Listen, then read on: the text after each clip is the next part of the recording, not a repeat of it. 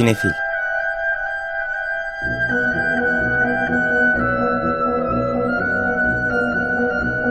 Hazırlayan ve sunanlar Melis Behlil ve Yeşim Burul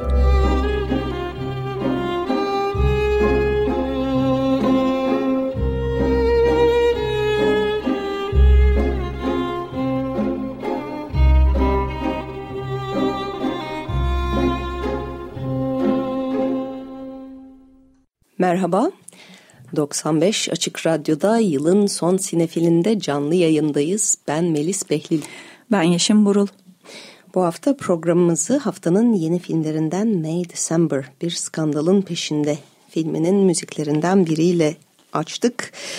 Ee, Michel Legrand'ın başka bir film için zamanında yaptığı The Go-Between için yaptığı müzikleri Marcelo Zarvos bu filme uyarlamış.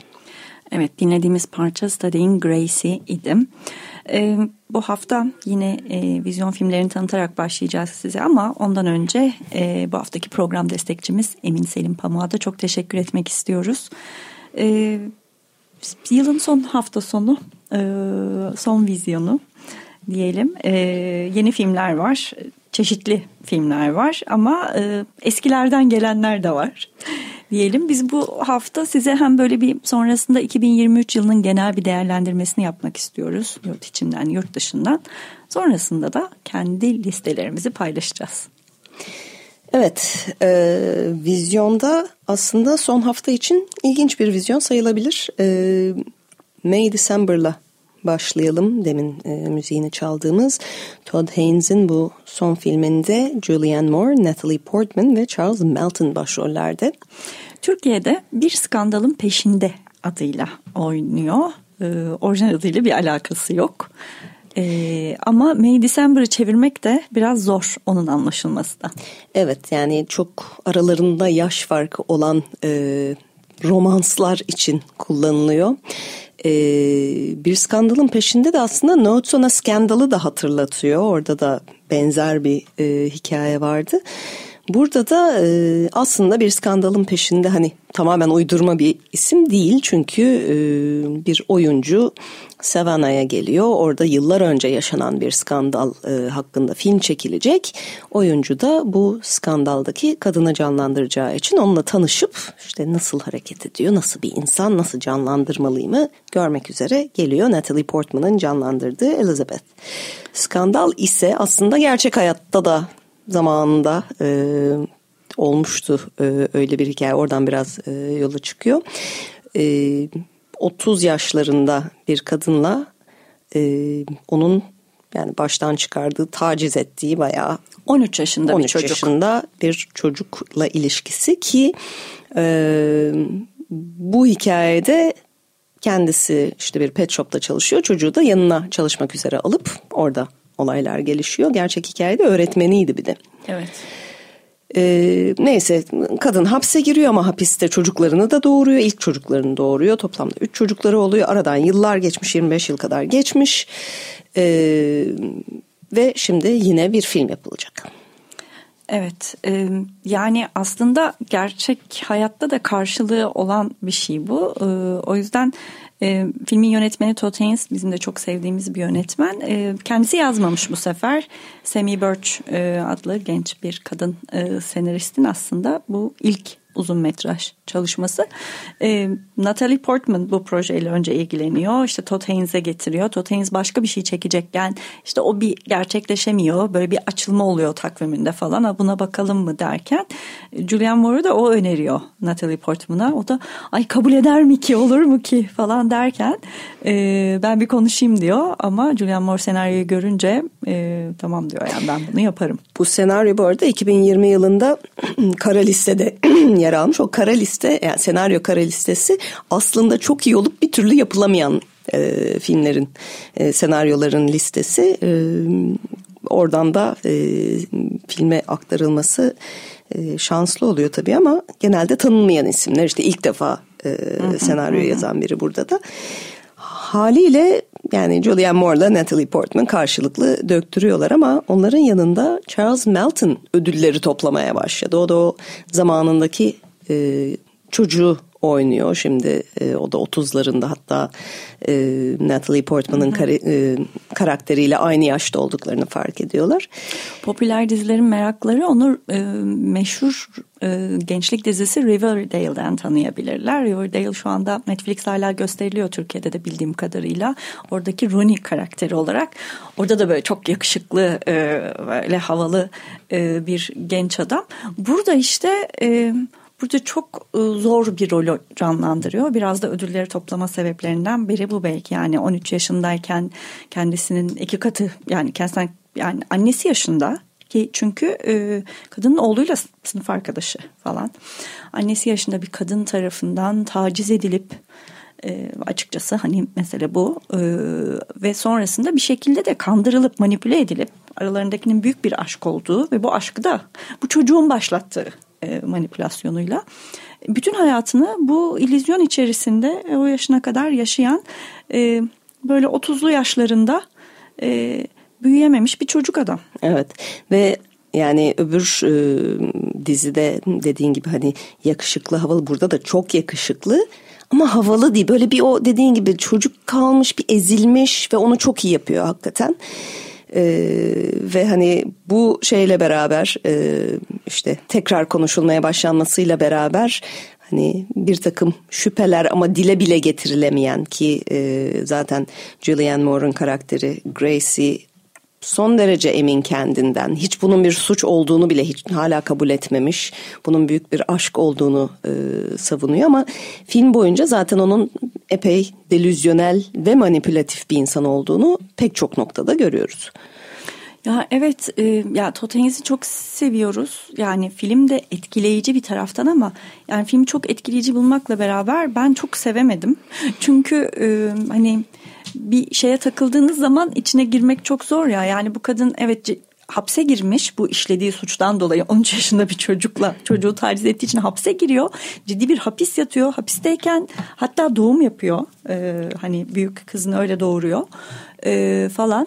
Ee, ama e, sonrasında çıkıyor ve gayet hayatına devam edip üstelik bu genç adamla evleniyor. Yani bence e, kamu sağlığı için halk içine salınmaması ve tedavi edilmesi gereken bir insan. Çünkü tam da senin dediğin gibi yaptığı şeyde bir sorun olduğunu düşünmüyor.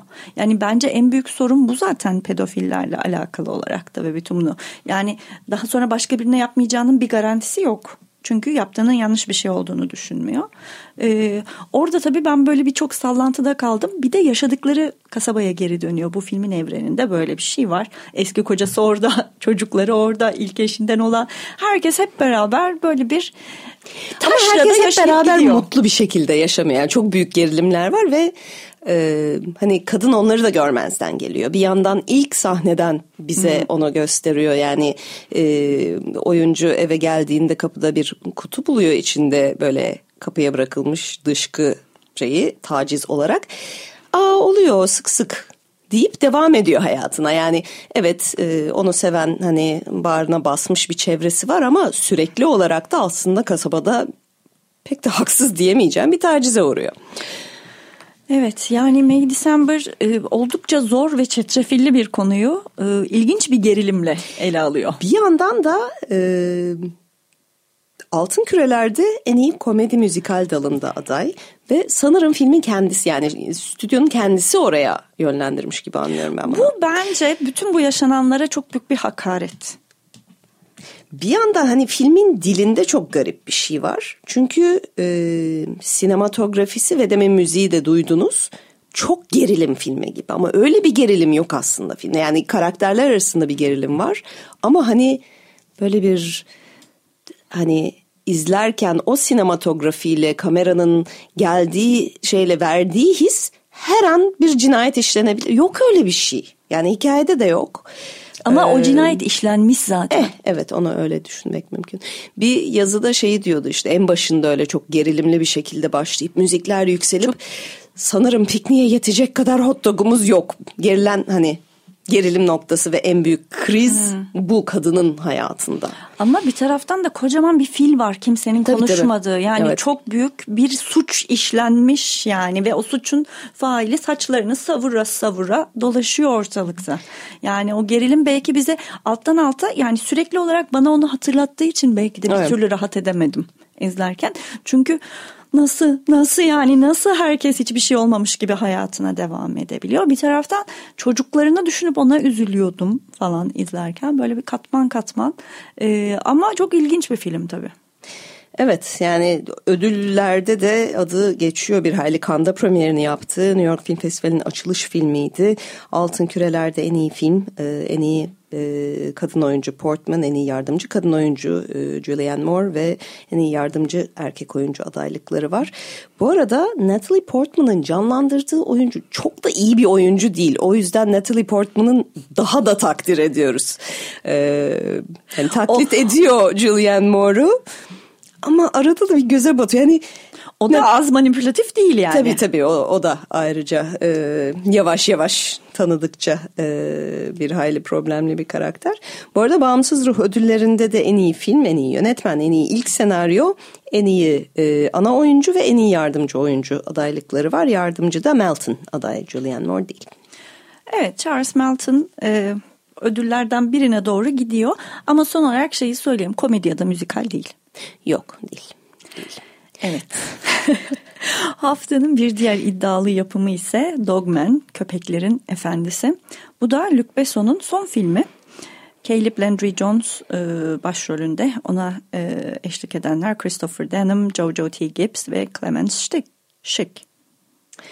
Evet bu da e, Matteo Garone'nin aynı isimli bir filmi vardı Dogman diye e, 2018'de o da gerçek bir hikayeden yola çıkmıştı. E, köpeklerle dostluğu olan bir adam üzerinden çocukken e, çok e, işte taciz görmüş, dayak yemiş bir çocuğun e, büyümüş hali.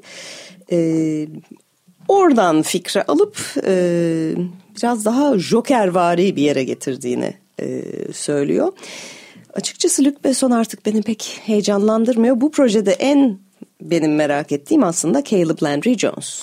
Evet yani son yıllarda arka arkaya e, yaptığı her filmde beni kendisine hayran bıraktırıyor. Yani her şeyi bırakıp onu izlemek istiyorum. Evet birkaç sene önce Nitram'la fark etmiştik ve e, benim listemin galiba bir numarasındaydı. Senin de çok yükseklerdeydi. E, Venedik'te premierini yaptı bu da. Orada böyle daha fanların verdiği bir Fanhart ödülü varmış. E, küçük ödüllerden biri onu aldı. Evet Dogman de bu hafta itibariyle vizyonda. İki korku filmi var Amerika'dan gelen. Ee, biri aslında yılın ilgi çeken korku filmlerinden South by Southwest'te premierini yaptı ve orada seyirci ödülünü aldı. Ardından Sitges ve Neuchâtel gibi e, başka iddialı fantastik film festivallerinde de gösterildi. It Lives Inside, İçimdeki Şeytan, yönetmen Bishal Dutta, oyuncular Megan Suri, Niru Bajwa, Mohana Krishman ve Vic Sahey. Evet burada da e, başrolde böyle Hintli Amerikalı e, hani böyle bir göçmen kökenli bir ana karakter var. Bu da zannediyorum farklı bir şey korku filmleri açısından. Evet yönetmenin kendisi de öyle ve zaten tema da öyle bir yerden geliyor. Böyle daha muhafazakar bir aileden gelen genç bir e, karakter, genç bir kız işte okula uyum sağlamaya çalışıyor. E, kendi o kültürünü reddederek ama e, en yakın arkadaşına mitolojik kötü bir ruh musallat oluyor. Ve de sen fark ediyor ki kendi köklerine dönmesi lazım. Nasıl onunla başa çıkabileceğini çözmesi için. Baya metaforik bir göç hikayesi aslında. Hem göç hikayesi hem de Hint işi cin filmi de diyebiliriz. Evet.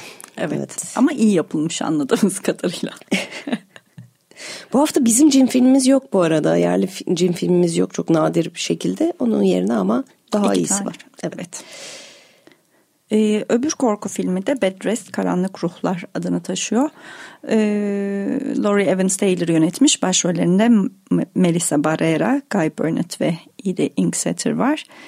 Ee, bunda da e, bir de şey var e, hamilelik korku filmleri alt türü var ya bu da onlardan. E, hamileliğinin son döneminde Julia adlı genç kadın bebeğini ve kendisinin sağlığının böyle riskli bir duruma girdiğini öğreniyor.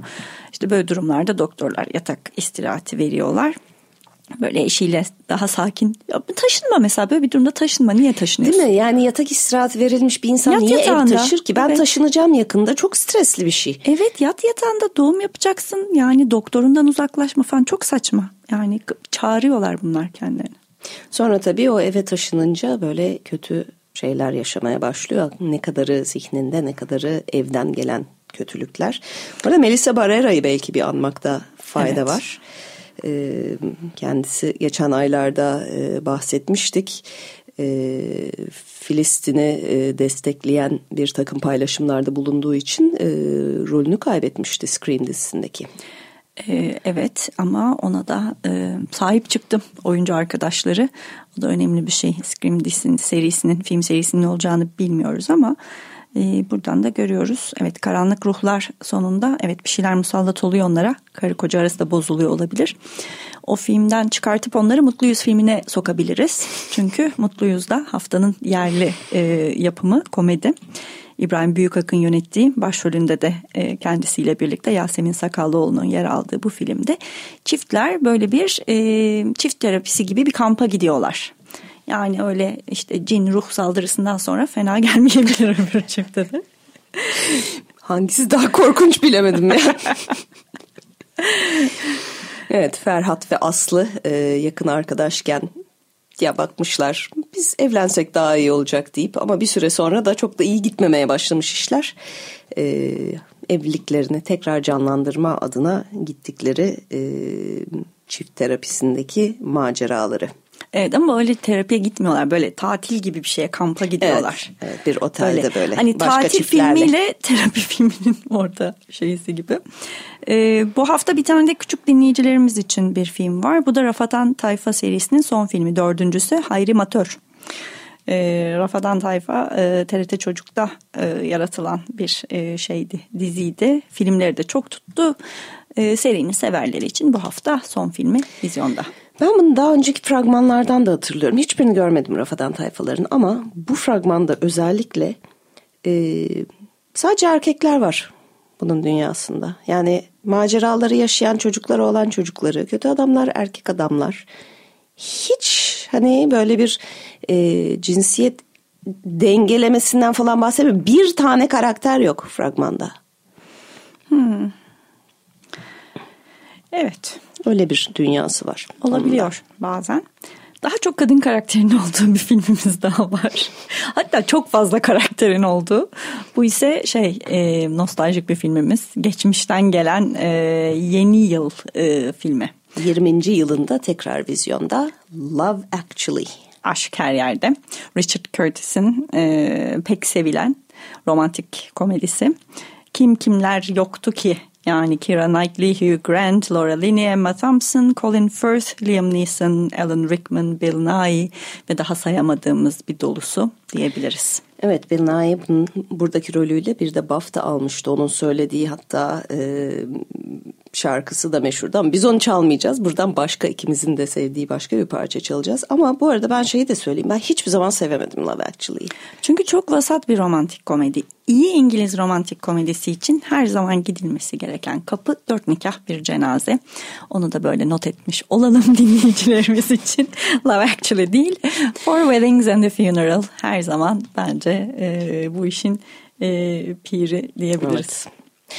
Ama müzikleri güzeldi diyerek Johnny Mitchell'dan Both Sides Now'ı dinleyelim şimdi. Johnny Mitchell'dan dinledik Both Sides Now. Haftanın eski yeni filmlerinden Love Actually'de kullanılan unutulmaz şarkıyı dinledik. 95 Açık Radyo'da Sinefil canlı yayında devam ediyor. Yılın son programındayız. Evet yılın son programı olması hasebiyle bir yıllık değerlendirme yapalım dedik. Biraz e, önce Türkiye dışından sinema dünyası sonra Türkiye'de neler oldu e, konuşacağız. E, dünyada baktığımızda aslında Hollywood'dan çok haber geldi bu sene. Çünkü grevler bir hayli e, damgasını vurdu e, sinema sektörüne. E, Hollywood'da üretim aylarca durunca e, bütün dünya oradan bir e, etkilendi haliyle. Önümüzdeki senelerde de aslında etkisini göreceğiz. Çünkü zaten bitmiş filmler gösterime girdi. Esas bu arada yapılmayanlar işte arada tıkananlar falan olacak. Ee, mesela o zaman da söylemiştim ben 2000 2005'teki galiba e, yazarlar grevinin aslında Trump'ın başa gelmesinin müsebbibi olduğunu savunan bir yazı vardı.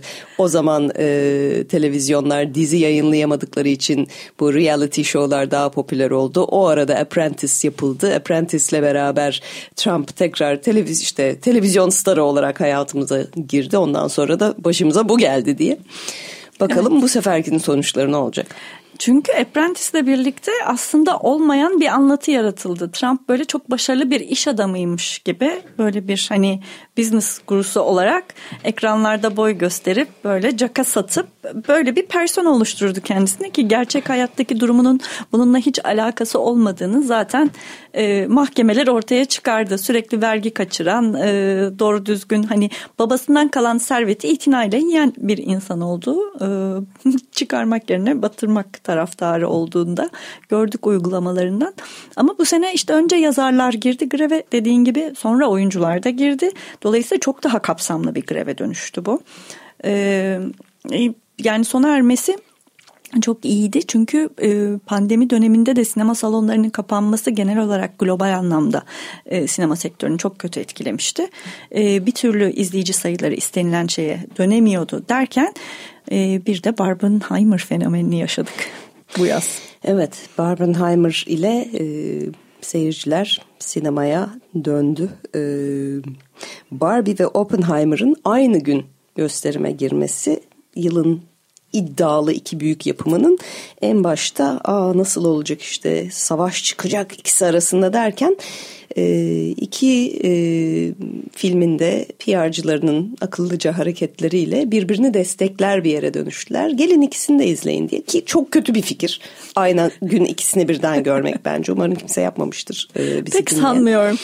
E, bir kere fazla uzunlar. Biri üç saat, biri iki buçuk saat. Artı o kadar farklı dünyalar içindeler ki hani olmuyor. Ben bir gün arayla gördüm anca.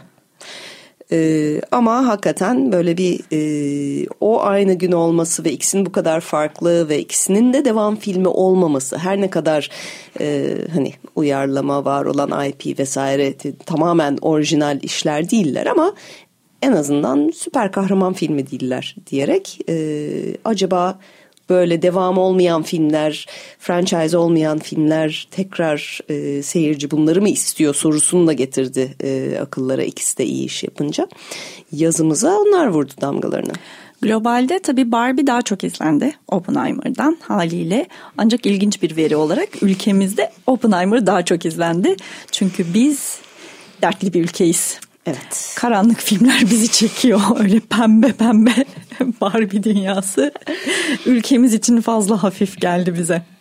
Evet ki Barbie'nin Time daha doğrusu Barbie'nin de bir takım varoluşçu dertleri vardı. Hani öyle e, ilk duyduğumuzda zaten hani Barbie filmi yapılacak dendiğinde arkasında Greta Gerwig olması biraz ilgimizi çekmişti. Hani başka türlü gidip görür müydüm ben şahsen bilmiyorum. Ama Gerwig'i duyunca Hı, demek ki değişik bir şey yapabilir diye düşündüm.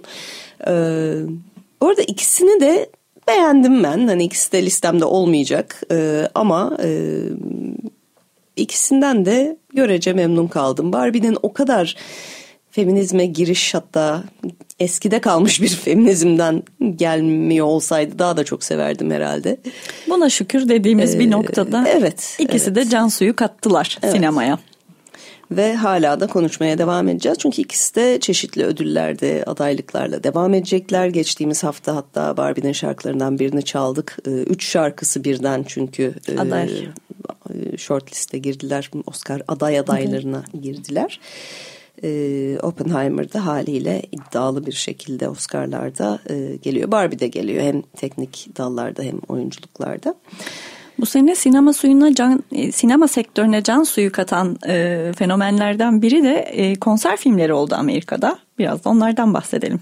Evet önce Taylor Swift hemen ardından Beyoncé e, Taylor Swift'i programda da konuşmuştuk. Çünkü ilginç de bir şey yaptı. Doğrudan sinema salonlarıyla anlaşarak stüdyoları elimine edip e, zaten gelmiş geçmiş en e, finansal açıdan başarılı turneyi sinematik olarak da büyük bir e, kar makinasına çevirdi.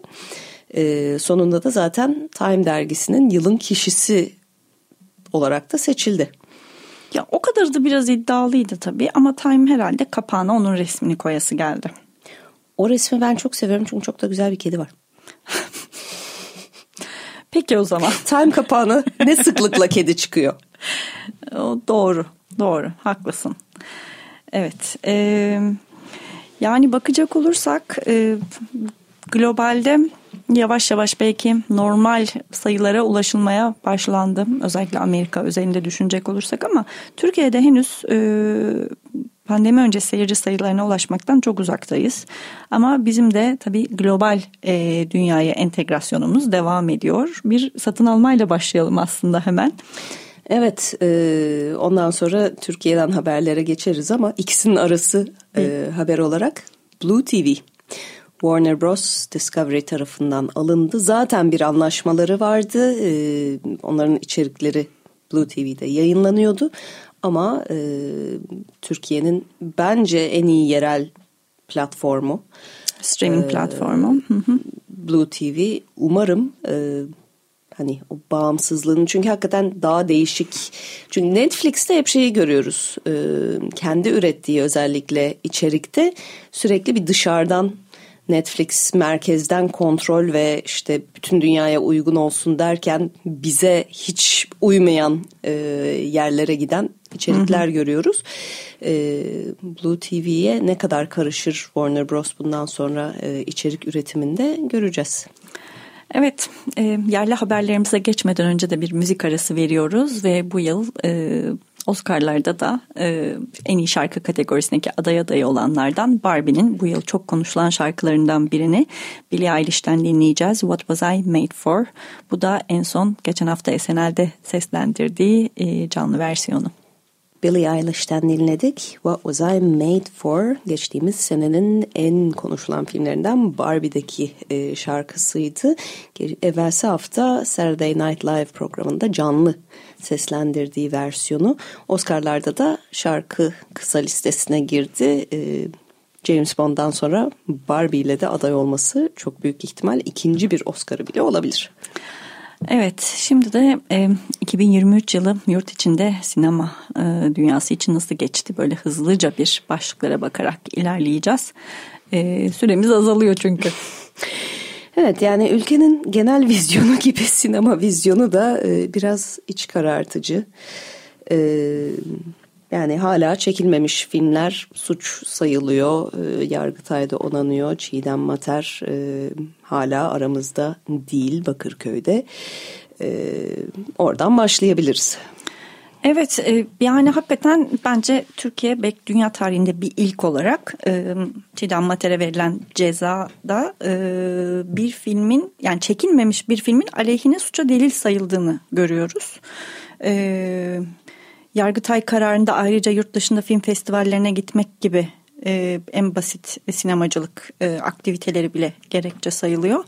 E, sevgili Çiğdem de 25 Nisan 2022'den beri cezaevinde. E, dolayısıyla hani e, Türkiye'de sinema gündemine böyle başlayabiliriz. Evet onun dışında tabii bu sene bol festival haberimiz oldu. Yine festival skandalları haberlerimiz oldu daha doğrusu. Boğaz içinden başlayarak. Boğaz içinde e, bir takım linçler, hedef göstermeler sonra festivalin duruşunun da e, benzer şekilde e, kısıtlayıcı olmasıyla e, öyle bir zaten Öyle bir yerden başladık yıla. Bir festivalimiz daha kendi kendini patlattı evet. diyelim. Sonra Antalya geldi. O da kendi kendini yok etti. Orada da sansür e, meselesi yani bu sene e, kanun hükmünde filmi e, Necla Demirci'nin e, yarışmadan çıkartılmak istenince e, sinemacıların büyük bir çoğunluğu filmlerini çektiler. Jüriler çekildi. E, festival fiili olarak yapılamaz hale geldi. Evet e, ama sonra belediye başkanının bunu iptal etmesiyle e, bence çok yanlış hareketler edildi. E, o zaman da çok konuştuk. E, her durumda o festivalin yapılamayacak olduğu çok belliydi ama onu iptal etmek belediyeye düşmemeliydi. Kesinlikle. E, oradaki iptaller tabii Ankara Film Festivali'nde etkiledi. Oradaki yarışmaya başvurmuş olan filmler e, son anda e, açıkta kalmış oldular. Antalya'da gösterimlerini yapamadıkları için bir kısmı çekti, bir kısmı erken çekti, bir kısmı geç çekti derken orada da bir tartışma yaşandı. Evet, e, sinemamız için iyi haberlerden biri aslında e, Nuri Bilge Ceylan'ın Kuru Otlar e, Üstünesi'nin e, Kanda Merve Dizdar'ın aldığı en iyi kadın oyuncu e, ödülüyle gündeme gelmesi oldu. Ama yılın son günlerinde Nuri Bilge Ceylan'ı başka şekilde de andık. Evet, e, eski dostu Zeki Demirkubuz'la olan. Yani bu sene ikisinin de son filmi aslında ön planda. Zeki Demirkubuz'un da Hayat filmi e, kısa bir süre önce vizyona girdi. E, ama çok eskiden kalma bir aralarındaki e, anladığımız kadarıyla e, sıkıntı Nuri Bilge Ceylan'ın e, yazmış olduğu anı kitabıyla aslında tekrar gündeme geldi. E, hani kronolojisi açısından o önemli. E, o da yıllarca içinde tutmuş tutmuş orada yazmış. O yazınca Zeki Demirkubuz ona cevap verdi. O ona cevap verdi. Bu buna cevap verdi derken hani yıllardır böyle spekülasyonlar vardı aslında aralıklar, aralarında küslüğün dargınlığın sebebi nedir diye. Böyle o böyle yani kabuk kabuk açıldıkça anladık ki aslında pek de bir şey yok pek altında. De bir şey yani hakikaten ülkemizin yani seversiniz sevmezsiniz ama en fazla izleyeni olan en fazla e, ciddiye alınan iki art house yönetmeninin iki ergen gibi e, sosyal medyada kavgaya tutuşmuş olmaları hakikaten bir yandan itiraf edeyim eğlenmedik değil evvelsi gün. Çünkü onlara yazılan yorumlar çok eğlenceliydi. Ama kavganın kendisi hakikaten e, böyle bir kötü hissettiriyor insanı. Evet maalesef. İnsan ağzına kötü bir tat bırakıyor diyebiliriz genel olarak. Geçtiğimiz yılın tabii daha e, başlarında yaşanan bir başka sıkıntı ise Kurak Günler filmi etrafında oluştu. Emin Alper'in e, filmine Kültür Bakanlığı tarafından verilen destek geri çekildi. Evet yani nereden nereye geldin dersen kurak günlerle karanlık gecenin arasındaki benzerlikler de çok konuşulan şeylerden biriydi geçen hafta. E, filmleri birbirine benzemesine rağmen bu iki yönetmenin gayet iyi anlaşıyor olması da bence e, büyüklerine bir mesaj olsun diyelim. Evet. Ee, evet yani Kurak Günler ve Karanlık Gece e, Ker'le beraber bu sene sinemamızda Obruk yılı e, esprisini de getirdi. Çünkü hepsinde e, bir obruk geçiyordu. Çok farklı kullanımlar olsa bile. E, bir yandan da hani Üçü de bu arada beğendiğim filmler biraz. Geçen seneden de geliyor tabii ama bir yandan da e, bence sinemamızda biraz sıkışmışlığa da işaret ediyor. Yani toplumda yaşanan sıkışmışlığın böyle dönüp dönüp aynı metaforlarla ve onların da hani ayağımızın altından yerin çekilmesi, çukur, delik, mağara gibi e, bir takım e, metaforlara e, sıkışmış kalmış olmamız çok toplumsal anlamda üzücü. Yani filmler için demiyorum ama demek ki hakikaten hissiyat bu. Yani delik deşik olduk. Ne anlatacaklar evet. ki? Yani ayağımızın altımızdan, yerin altımızdan çekilmesi de metaforik bir şey değil. Bu sene tabii Türkiye'deki şey. en büyük e, olay da haliyle 6 Şubat depremiydi. Onun da tabii sinemaya etkisi oldu. E, yani o şehirlerdeki sinemalar da yıkıldı. Oradaki biraz umut verici mesela Mavi Kuş Dayanışması gibi ve e, başka projelerin bölgede gidip e, çocuklara, gençlere e, çeşitli film gösterimleri hı hı. düzenliyor olmaları oldu. Farklı farklı projelerle oradaki çocukların tekrar hayatı tutunmasına birazcık da olsa yardım ettiler. Evet yeni yıla girerken belki de hepimizin en büyük dileği ülkemizde e, filmlerin sansürlenmediği, e, sinemacıların çekmedikleri filmlerden dolayı hapsedilmediği, e, herkesin konuşma özgürlüğüne sahip olduğu. Ödül törenlerinde söyledikleri şeyler yüzünden linç edilmedikleri sosyal medyada. Evet, e, desteklerin çoğaldığı, arttığı, film yapabilmenin kolaylaştığı. Desteklerin geri alınmadığı içerik hoşa gitmeyince. Herkesin sinemaya gidebileceği bir ekonomik seviyeye ulaştığı. bir yıl diyelim. Hayal ediyoruz. O zaman e, bir müzik arası daha verelim ve e, bu yıl konser filmleri damgasını vurdu e, dedik Amerika'da vizyona. Onlardan bir diğer önemlisi Beyoncé'nin filmiydi. Şimdi ondan dinliyoruz Summer Renaissance. Beyoncé'den Summer Renaissance dinliyorduk ama programımızın sonuna yaklaştık ve e, listelerimizi esas paylaşmak istiyoruz sizlerle. Bu seneye damgasını vuran konser filmlerinden biriydi Beyoncé'nin Renaissance'ı. Geldik 2003 e, 2023 yılının e, en sevdiğimiz filmleri listelerine. Evet biz biraz gevşek hazırladık listelerimizi. Çünkü 2023 yılı içerisinde izlediğimiz filmlerden oluşturduk. Bunların bir kısmını bu sene izleme fırsatı bulmuş olabiliriz. Ee, yani ancak festivalde karşımıza çıktı, ancak gösterime girdi. Öyle her listemize koyamadık. Ee, sosyal medyaya bakarsanız birkaç farklı paralel listemiz var. Evet. Ee, bir de hani bugüne gelinceye kadar da ben arada hala film izlemeye devam ettim. O da var, Dolayısıyla bu son haline geldim. En iyi yerli filmler için oluşturduğum listeyle başlayayım. Orada beşinci sıramda benim unutma biçimleri var.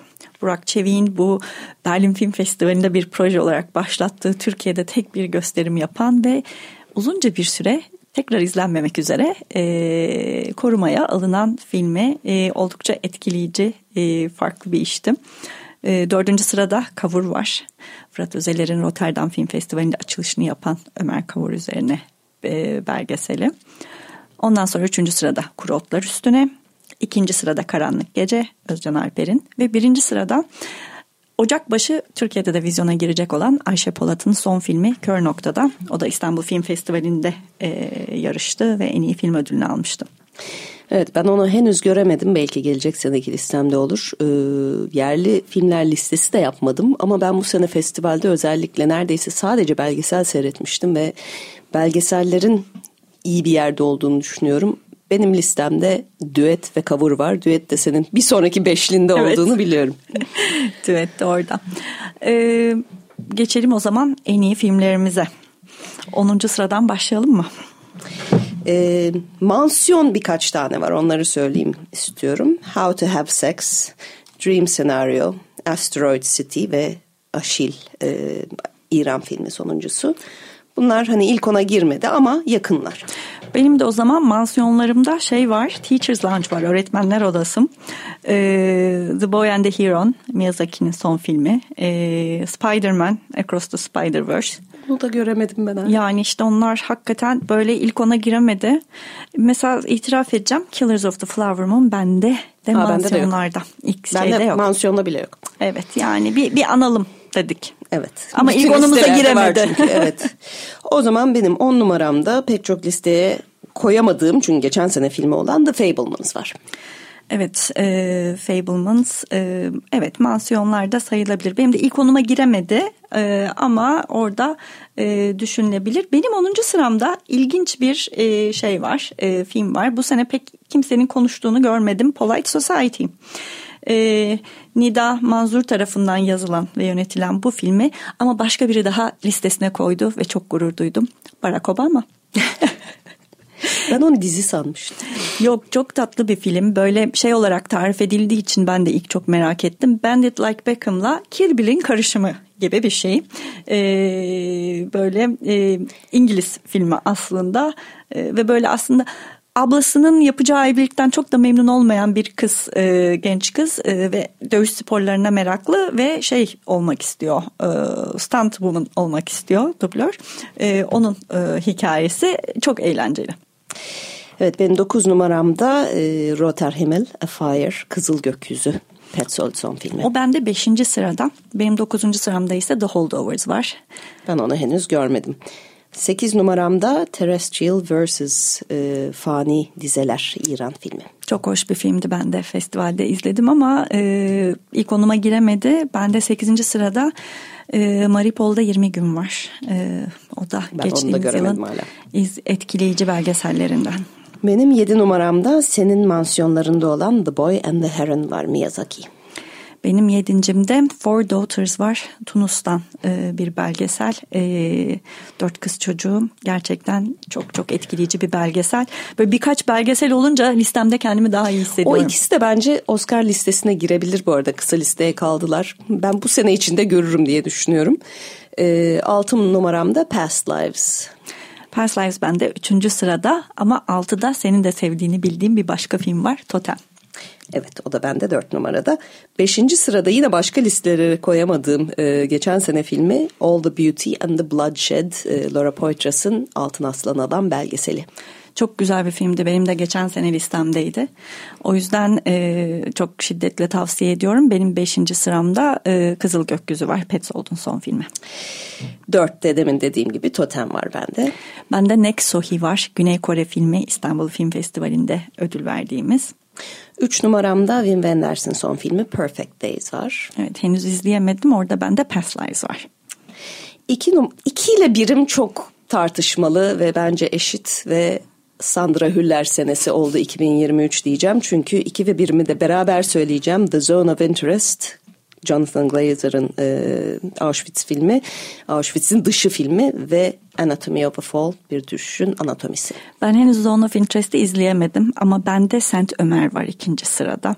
Bu sene izlediğim için onu mutlaka koymam gerekiyordu. Ee, ki bir Fransız e, mahkeme filmi ama benim birinci sıramda da Anatomy of a Fall var e, seninle beraber. Evet genelde bir numaralarımız örtüşüyor zaten. Bir de müziğini çalamayacağız çok istiyorduk ama süremizi bitirdik. Bu sene biten bir diziyi de analım istiyorum. İkimizin de galiba dizilerde bir numarası Succession'a veda ettik. Evet Succession sonunda bitti. Ee, hep diyorum ya nefret etmeyi en sevdiğimiz insan topluluğuydu belki. Ee, aile. Ee, Succession hakikaten güçlü bir sezonla bize veda etti. Ee, listelerimizi sosyal medya hesaplarımızdan görebilirsiniz detaylarıyla. Böylece bir 2023 yılını daha tamamlamış oluyoruz hep birlikte. Evet Teknik Masa'da Berke'ye ve bu haftaki destekçimiz Emin Selim Pamuk'a çok teşekkür ediyoruz. Herkese iyi seneler. İyi seyirler.